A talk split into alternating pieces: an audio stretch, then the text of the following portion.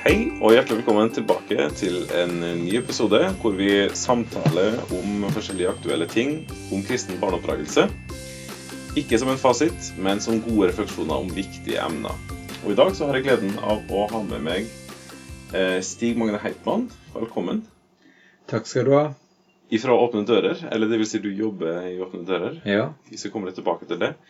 Og eh, det som vi skal samtale om, er eh, i hvilke eh, ja, forhold og momenter som, eh, og erfaringer fra kristne som opplever forfølgelse rundt om i verden, som vi kan ta lærdom av også i Norge.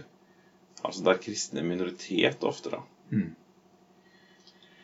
Um, og det har jo du spisskompetanse på.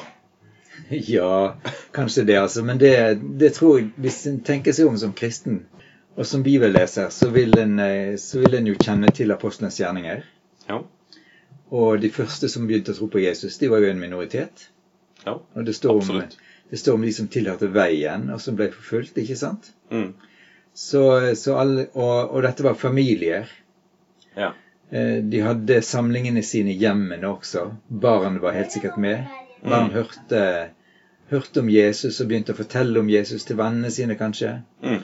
Vi har Paulus som dro omkring, ikke sant, og, og eh, fangevokteren i Filippi som hørte evangeliet forkynt, og ble døpt med hele sitt hus. De var en minoritet. Ja. Peter kom til Kornelius sitt hjem og forkynte evangeliet. De var en minoritet. Mm. Så, så kristne familier med barn helt fra begynnelsen av har opplevd det å være en minoritet. Så det vi har opplevd i noen hundre år i Europa, i, i vårt land, det er jo på en måte et unntak.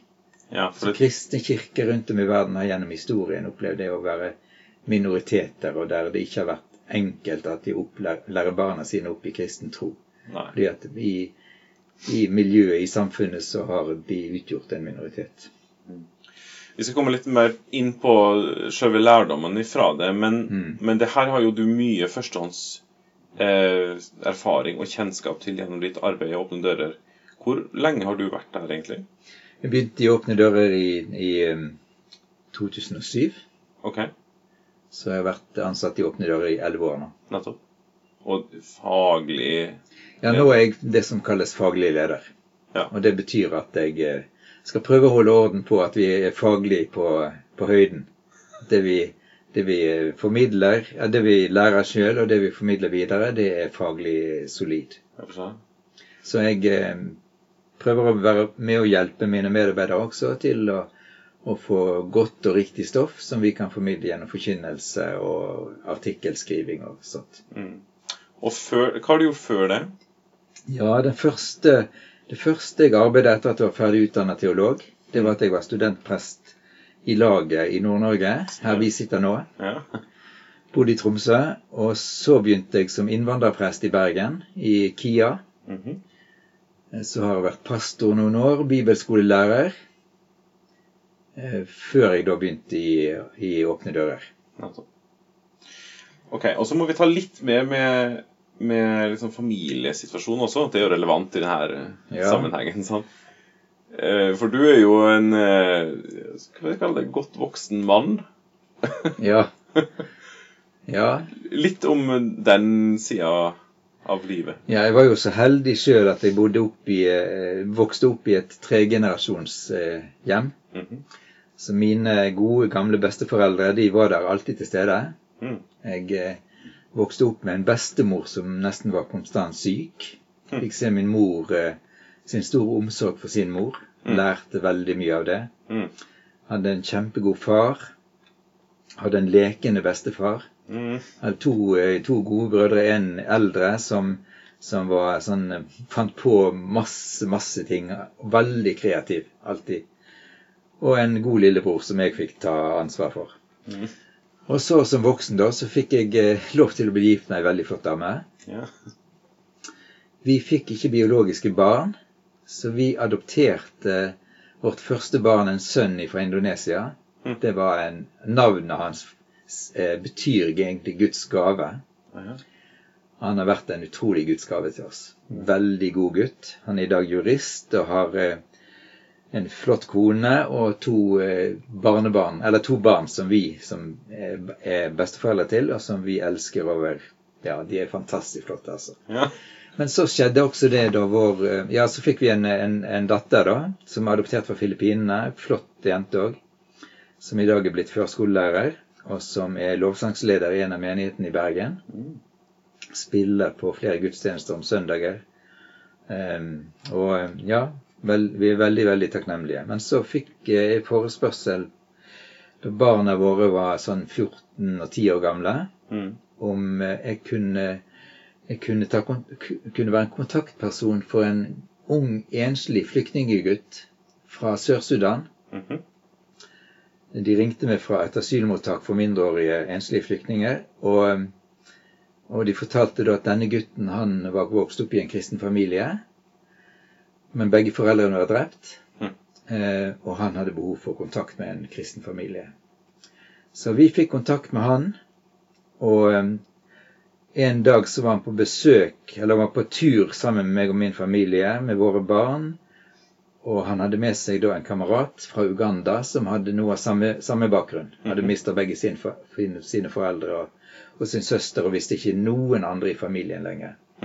Så de kom hjem til oss, og, og vi holdt på å bygge hus på huset på den tiden. Og han fra Uganda sa det 'her skal jeg bo'. Okay. Så det en leilighet som vi holdt på å bygge på. Så det endte med at de to flyttet inn hos oss, og dette er jo nå 20 år siden. Mer enn 20 år siden. Og de har stiftet sine familier igjen, og nå i februar var jeg på besøk i Uganda, der eh, Dennis fra Sør-Sudan har sin familie. Men er, han er mesteparten av- tiden i Norge pga. alvorlig sykdom som han må få behandling for på sykehus. Og han er der og møtte hans, tre, hans kone og tre barn for første gang. Mm. Det var en fantastisk opplevelse. Disse tre, disse tre guttene som da umiddelbart begynte å kalle meg på for bestepappa. Ja. Ja. Så det er litt av vår kanskje litt spesielle familie. ja, litt annerledes. Ja. Ja, men det er fint. Ok. Eh, akkurat det å snakke om eh, forfulgte kristne og, og kristne under press eh, forskjellige plasser i landet, det er jo noe du gjør eh, hele tida. Eh, og jobber med og møter og, og hele pakken. Og så skal vi nå da på en måte snakke om det med et litt sånn spesielt fortegn med tanke på barneoppdragelse. Og det er litt nytt felt for din del. Ja. Men jeg tror du blir, jeg tror det er lærer, jeg tror det blir lærerikt likevel, altså. ja. Men eh, jeg har jo en, en eh, Når jeg tenkte på denne eh, forberedelsen til denne episoden, her, så har jeg hatt en slags tese i, i forkant som vi skal prøve oss litt på. Og den går omtrent sånn som det her. At vilkår og skal vi si, klima, om du vil, for kristen tro i Norge i dag eh, blir stadig og stadig likere, eller får større og større likhetstrekk med områder eh, under forfølgelse i verden i dag. Eh, så, sånn tenker jeg litt om det. Om ikke fysisk, så i alle fall en del andre eh, på en del andre områder. På hvilken måte vil du si deg enig i det? Du kjenner jo Ja. både Norge og en del andre områder i verden godt. Eh, Ja, jeg, jeg tror dette er veldig viktig. Jeg tror det er tro, utrolig mye å lære. Um, mitt perspektiv blir litt som følger. For noen år siden så møtte jeg en, en ung mann fra Algerie i Jerusalem. Mm. Han, eh, altså etter at islam kom til Nord-Afrika for eh, 1400 år siden, 1300-1400 år siden, så ble jo så ble jo befolkningen veldig fort islamisert. Mm. Men han var, hadde berberbakgrunn, Mhm. som da i hovedsak var kristne på den tiden. Og han fortalte noe veldig, veldig interessant. At eh, de, hadde holdt, de hadde ivaretatt en tradisjon. Og det var nemlig å lage et korsmerke over ytterdøren på husene. Tegne Tegne et korsmerke, ja. ja eller, eller hogge inn i mur. Ja, Men ingen visste lenger hva det betydde. Okay. Men i vår generasjon så begynte unge mennesker å spørre igjen hva er det det betyr. Mm. Og han her hadde funnet mer ut av det da. Så han hadde reist til Nigeria for å, å studere kristen tro. Eh, men fra Nigeria, og så tenkte han å reise tilbake igjen, men fikk beskjed om at det var farlig for han. Så han dro til Jerusalem, og der, der bestemte han seg for at han skulle oversette Bibelen til eh, moderne berbisk. For den gamle bibeloversettelsen de hadde, var så dårlig at de lurte på hvilket språk det var egentlig. Så han, eh, men han fortalte altså det at nå begynte ungdom i, i, blant berbere å våkne opp og spørre hva er dette gamle symbolet. De spurte det da 1400 år tilbake igjen og fant at vårt folk har vært et kristent folk. Så nå vet vi jo at det er vekkelse blant berbere i Algerie. Det er titusener som kommer til å tro på Jesus. Det- Akkurat nå. Akkurat nå, ja. Og det forteller altså at noe en har gjort kanskje i generasjoner før, kan en ny generasjon spørre etter på nytt. Selv om en har vært borte fra troen. Hos oss det sekulære som, som overtar. Ja. Hos eh, andre så har det vært andre ting. Så det er, det er veldig interessant. Så tenker jeg på, på det som skjedde i kommuniststaten i Øst-Europa, med sovjetsamveldet i, i spissen, der, eh, der det ble for ulovlig å undervise barn under 18 år i kristen tro. Mm. Eller i noe religiøs tro, for det skulle være et ateistisk samfunn. Mm. Det var ikke lov til å drive undervisning hjemme. Det var jo selvfølgelig ingen undervisning i kristen tro i skolene. Mm. Det var først når en var 18 år at en sjøl kunne bestemme hvor en ville høre hjemme. Men det betydde jo at eh, hvis foreldre adlød lovene i samfunnet, Mm. så sa de ingenting om Jesus Ja. til barna sine. Så Noe, leste, noe de, ja, så leste de ikke Bibelen for barna. Så tok de det ikke med på noen gudstjenester. Mm. Og vi vet at, eh, at eh, foreldre gjorde to forskjellige ting. Noen adlød loven- lovene. Mm. Særlig blant, eh, blant baptister så var det jo sånn at eh, mange, mange sa at vi må lyde Gud mer enn mennesker. Vi lærer barna våre om Jesus. Mm. Men vi må samtidig lære dem om konsekvensene det kan få. Okay. Det kan få de konsekvensene bl.a. at de blir tatt fra oss som foreldre. Blir plassert på barnehjem. Vi, det blir ulovlig for oss å ha kontakt med dem. Det er den ene konsekvensen. Det får konsekvensen for dem. ikke sant? At de ikke får utdannelse, at de ikke får arbeid som voksne fordi at eh, de bekjenner troen på Jesus. Mm. Og det her sa foreldrene til dette måtte foreldrene være veldig bevisst på, og også fortelle barna hva kan være konsekvensen av det å ville følge Jesus på tross av at, min, at loven i landet sier noe annet. Hm. Eh, Et annet eksempel som forteller noe om et frø som kan sås, eh, eller ja, det er jo det enda mer ekstreme enn i Sovjet og kommunistlandet i Øst-Europa, det er Nord-Korea. Ja. Etter at Kim Il-sung kom til makten, så ble det dødsstraff for å si navnet Jesus. Mm. Eller eie en bibel i en familie. og Der de hadde kanskje en bibel eller en del av en bibel, så gravde de det ned. Mm. Og kanskje en mørk kveld kunne de ta det fram, ta, finne Bibelen fram under en planke i stuegulvet eller noe sånt, og så lese litt. Men det er en jente på en film som ligger på Åpne døras eh, nettside, som forteller at hun hørte sin bestemor be en bønn. En veldig, veldig enkel bønn. Hjelp meg, Herre. Det var alt som hun ba. Mm. Og denne lille jenta forsto jo ingenting om det, og det var livsfarlig å, å fortelle barna om det, for barna kunne komme til å, å røpe f.eks. på skolen eller blant vennene sine at mine besteforeldre eller mine foreldre leser en bok som heter Bibelen, eller noe i den retning. Mm. Men denne jenta ble voksen og hadde jo fått indoktrinering i samfunnet, på skolen, overalt i barnehage, om hvor dumt dette med kristen tro var. Mm. Hvor farlig det var. At det var noe vestlige, imperialistiske greier og alt sånt. Mm. Men hun så jo etter hvert at dette samfunnet som blir kalt Kims paradis, var noe helt annet. Og det begynte å komme fram i henne denne, denne bønnen som bestemor hadde, hadde bedt. Og som hun måtte finne mer ut av. Og så finner hun altså at bestemoren må ha vært kristen. Hm. Og hun begynner å søke kristen tro. Det er så lite frø som har ligget der og spirt i et, et eh, barnehjerte eller hjerne. Mm. Og som voksen altså, så finner hun tilbake til kristen tro som hennes bestemor hadde. Mm. Så der eh, Ja, Det er helt utrolig. det er helt utrolig. Det er fantastisk. Mm. Ja. Men er, er, er den tesen min eh, som jeg nevnte, ja.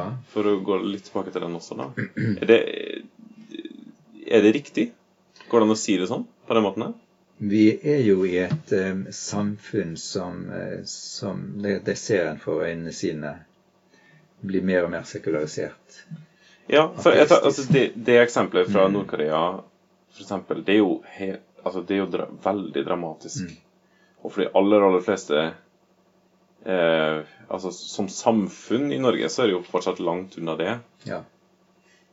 Men, Men når et samfunn blir mer og mer ateistisk og sekulært, så blir tro på Gud og tro på Jesus, underne, hva døden hans betyr, om at han har stått opp for de døde, så blir det en raritet. ikke sant? Det første, kanskje. Mm. Og jeg tenker at det er iallfall kjempeviktig for oss som kristne foreldre å på en glad og trygg måte fortelle at nei, dette tror vi på. Mm.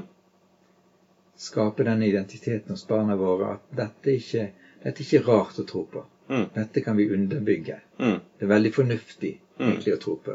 Mm. Det er fornuftig å tro på Gud. Det er ikke unormalt å tro på Gud.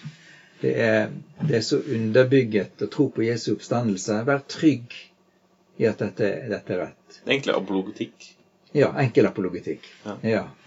Og det å kunne, kunne si hvorfor tror jeg på Gud? Hvorfor tror jeg at Jesus har stått opp for de døde? Mm. Det å lære barna altså de helt enkle ting. For kommer de ut i skolen blant venner og sånt, eller på, ja, på skolen også undervisning, Mm. ikke sant?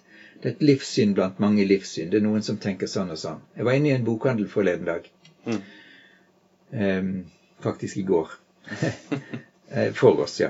Ja. Og der, der var det en bok, en seksjon, som hadde, hadde overskriften 'Livsstil'. Mhm. Der var buddhisme og mindfulness og sånne ting presentert. Mm. Sant? Og det, det er liksom Sånn er det folk erfarer det. Dette, dette er populært og moderne. Mm. En måte å leve på, liksom. En annen seksjon der det sto livssyn, Ja. som, som da er mer svevende. Mm. Der sto kristen, kristen litteratur. Der sto Bibelen. Ja. Det å gjøre barna våre og Vi må jo sjøl være trygge på det først. At dette er noe veldig godt. Mm.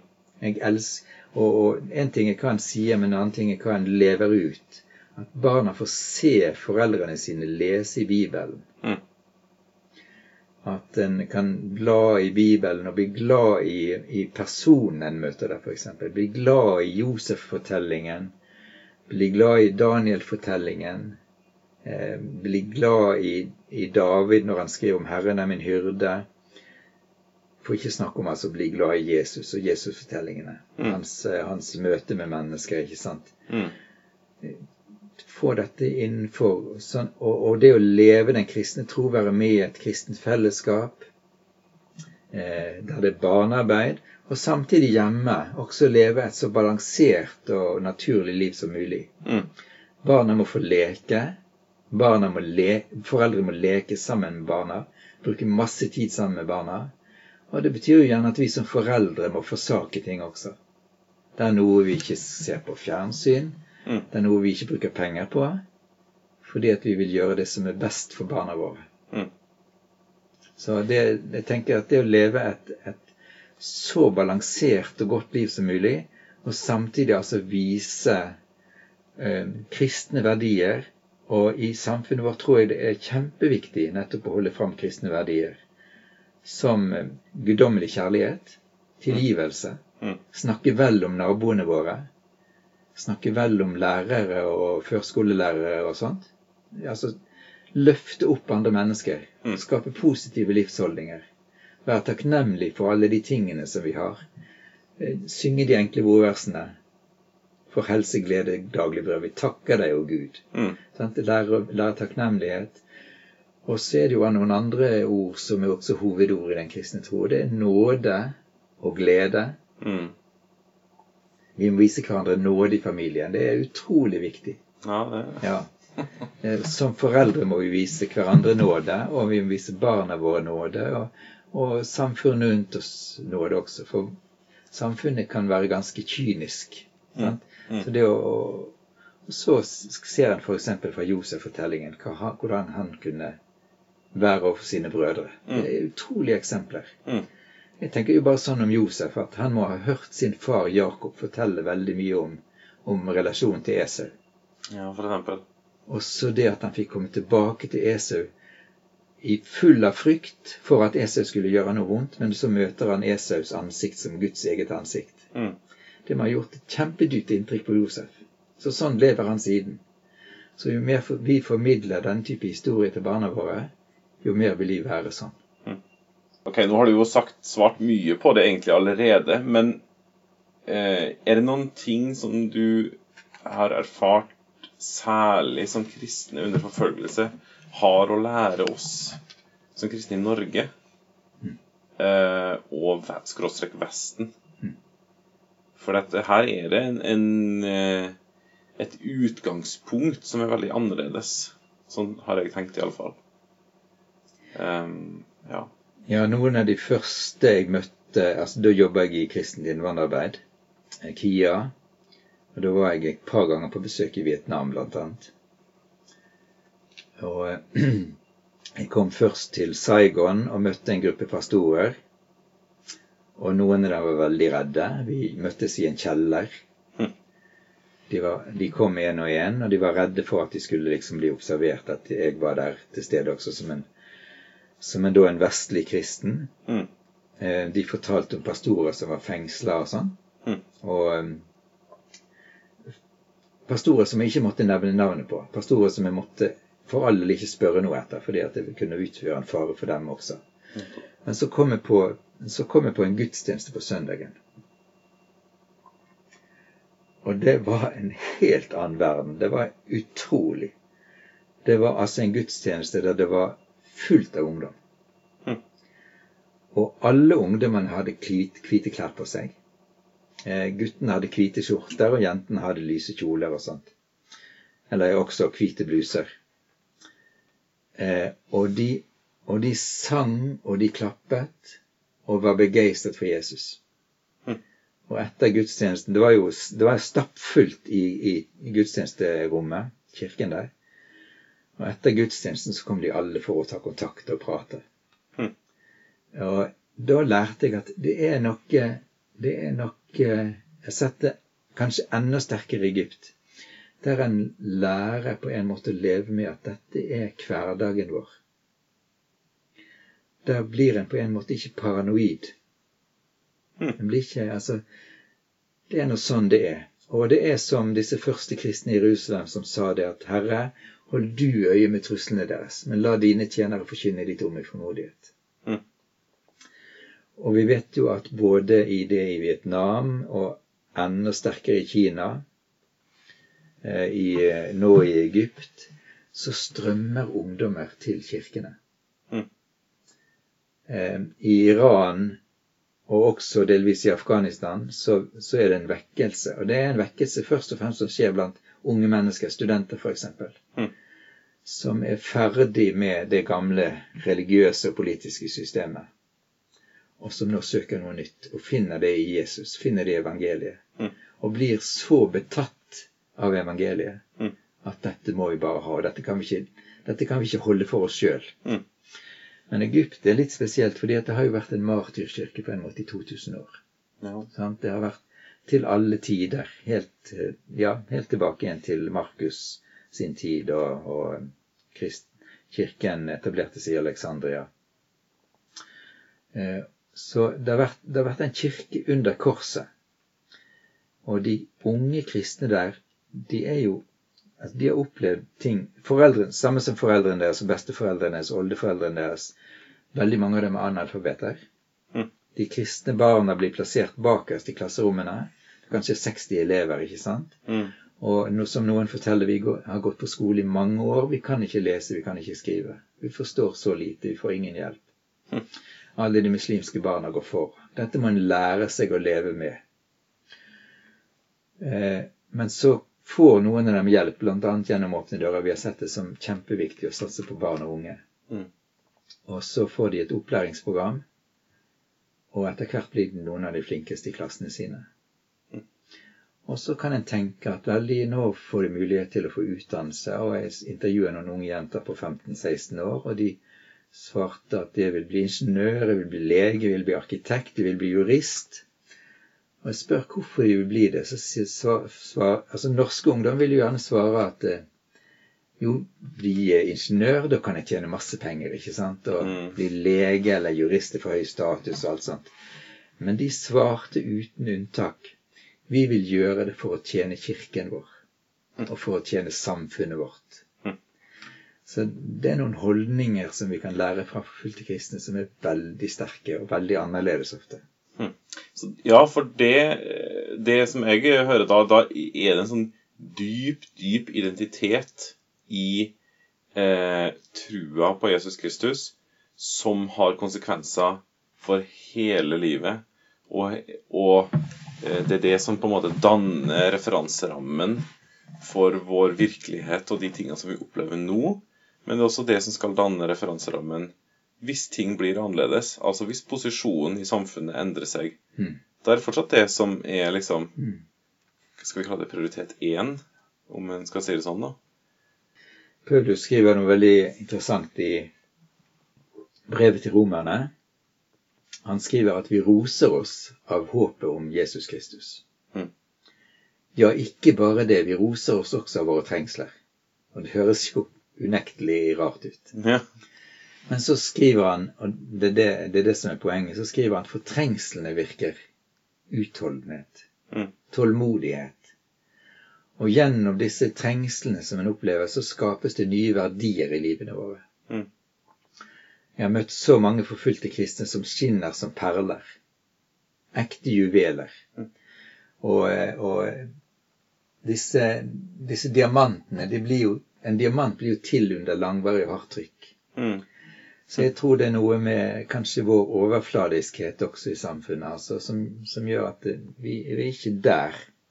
Men de som har levd under dette langvide og harde trykket, de, de framstår ofte med, med et sett av verdier som bare er så beundringsverdige.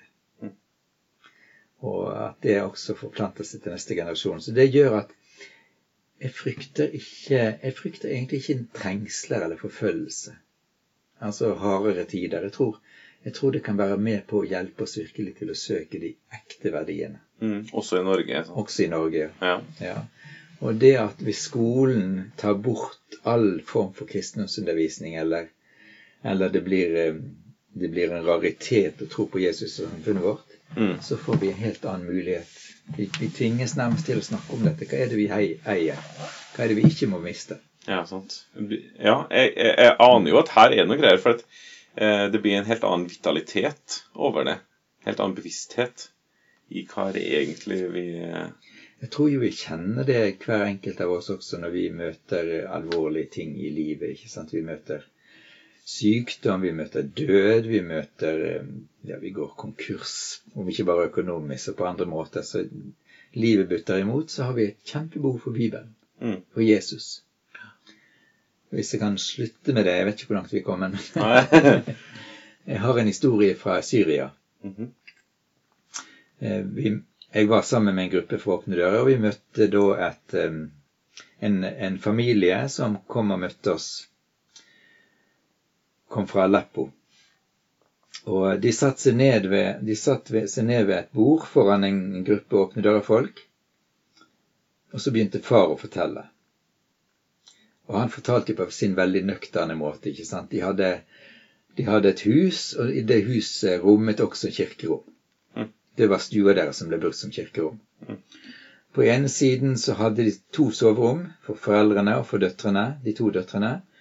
Og på andre siden så hadde de kjøkken og soverom, nei, kjøkken og bad. Og midt imellom var stua. Mm. Og det fungerte veldig greit. For menigheten kom sammen på søndagen. Det var et 40-50-talls mennesker. Mhm. Så hadde de bønnemøte en gang i uken, og det er jo som bønnemøter er, ikke sant, halvannen time. Mm. Og det var en 10-15 mennesker som kom. Mm. Og så kom krigen. Mm. Denne forferdelige krigen som har pågått i sju år nå. Og så forteller han først kommer alle sammen som hører til menigheten, mye oftere. De kommer ikke bare til gudstjenesten, men de kommer til bønnemøtene. Og bønnemøtene blir utvidet og utvidet. For nå roper de til Gud. Og så, Dette var en evangelisk menighet. Så etter hvert så begynner de å komme fra ortodokse og katolske kirker. Og så sier de, pastor, kan du undervise oss også? Mm. Og han gjør det, og kirkerom, eller denne stua fylles mer og mer opp, og oftere og oftere, og folk blir der på nattetid. Okay. Det gjør det jo vanskelig for jentene å komme seg fra soverommet på toalettet på natta, f.eks. For eksempel, ja. En del Eh, praktiske ting som slår inn her. Ja, og så begynner også muslimer å komme, fordi at Åpne dører hjalp til med matutdeling.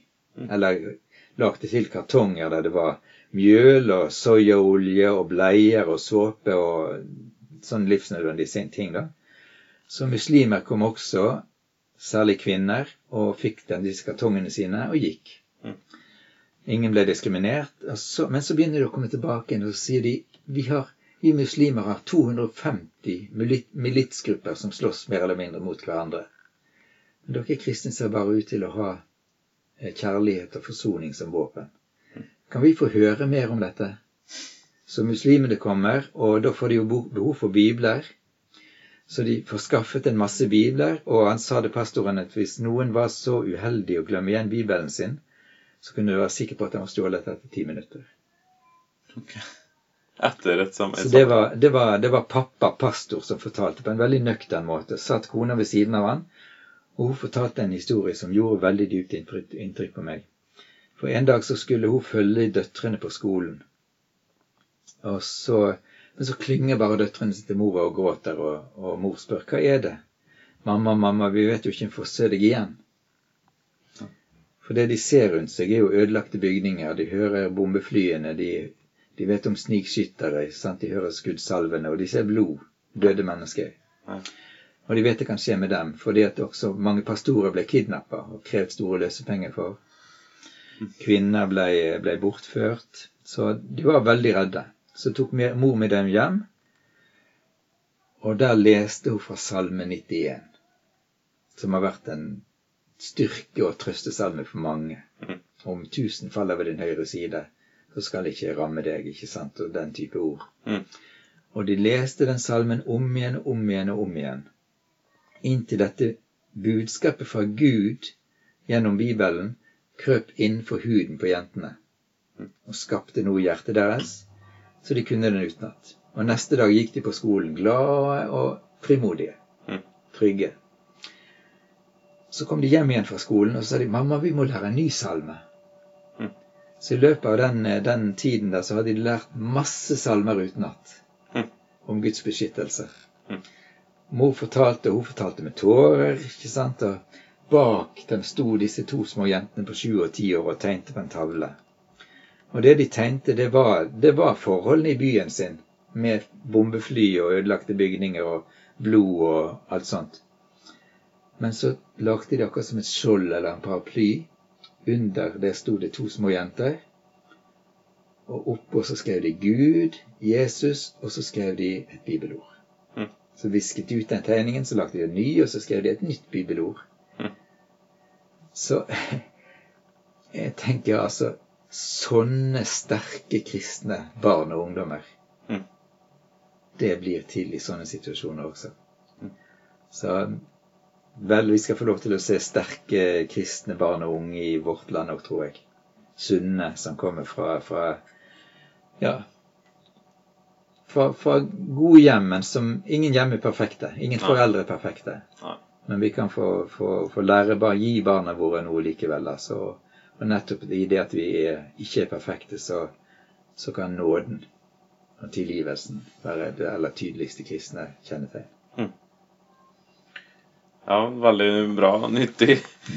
Har, altså Min lille refleksjon omkring det her har vært omtrent som følger at jeg tror vi er nødt til å lære mer om det som eh, på en måte utvikler seg også i vårt eh, Norge, men også i Vesten i dag, da.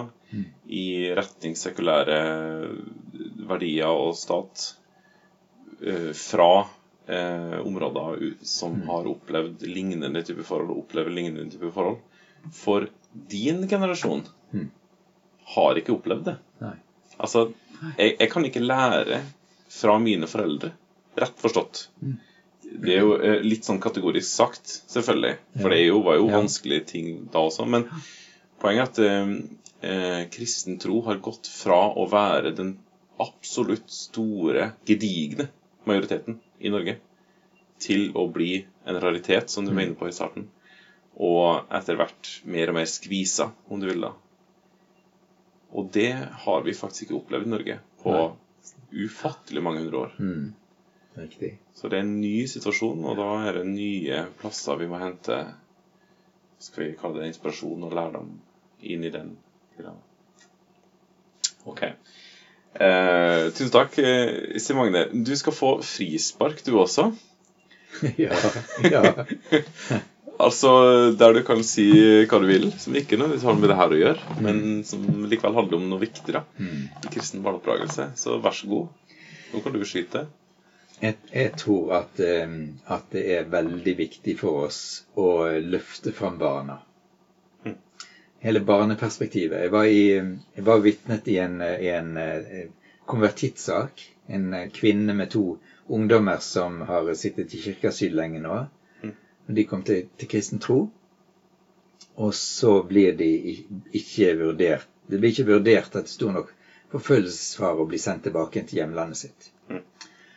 Så våknet jeg natten før jeg skulle reise til Oslo og vitne i Oslo tingrett.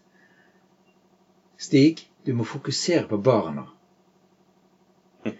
Og det, og det kom jeg der og gjorde, og løftet fram farene som barna kunne bli utsatt for i fremtiden. Sånn, Diskrimineringen og forfølgelsen som de kunne oppleve. Det at det ble stemplet i, det sto stemplet i passet deres at de var muslimer, eller identitetspapirene deres de var muslimer, men de hadde blitt kristne. Mm. Det betydde egentlig at de ble betraktet som muslimer av myndighetene. De hadde ikke lov til å få kristen undervisning. Mm. Og hvis de fått fast ved sin kristne tro, så kunne de bli diskriminert når det gjaldt utdannelse og arbeid og sånt. Så jeg løfter fram barna, og det underlige var at, eh, at en biskop som vitner har lært etter meg, han kom sånn Barneperspektivet. Mm. Og så var det enda en som hadde fått helt uavhengig uten at vi hadde snakka sammen. Men Mm. barna. Mm. Men jeg tror det er like viktig for oss. Og det første er jo det helt grunnleggende. At vi må ta vare på barnets rett fra, det, fra unnfangelse. Mm. Vi, hvis vi driver fortsatt på med å degradere barnet, og, og gir altså voksne en rettighet foran barnet fra unnfangelse gjennom svangerskapet, Mm. og sier at det er greit på en måte å ta livet av barna. Det er helt forferdelig. Mm. Den største synden vi gjør i dette landet. Og i den vestlige verden, eller hele verden, Mm. det det er en, en, et angrep fra den onde. Mm. Der han vil nettopp angripe det aller svakeste som er. Mm. Så der må vi reise oss og være veldig tydelige. Mm. Og det samme gjelder jo barna når de er født. At barna må ha en førsteprioritet i livene våre. Mm. De må ikke bli satt til side, eller de må ikke lide under at vi, vi som voksne har andre ønsker. De må være først og fremst. Og i kristne familier må det iallfall være veldig tydelige. Mm. For barn som opplever at foreldrene elsker dem overalt, de vil jo lytte til foreldrene. Ja. De vil se opp til foreldrene. Mm. De vil ære foreldrene sine. Mm. Eh, Barn som opplever at de blir satt til side av foreldrene sine, hvorfor skal de gi respekt for, for foreldrene sine? Mm. Sant? Og de, de, vil, de vil gå andre veier, men barn som virkelig har opplevd foreldre full av kjærlighet, de, de tror jeg vil eh, ta med seg veldig mye, eller vil ta med seg foreldrenes verdier. Mm. Og forhåpentligvis også foreldrenes tro. Mm.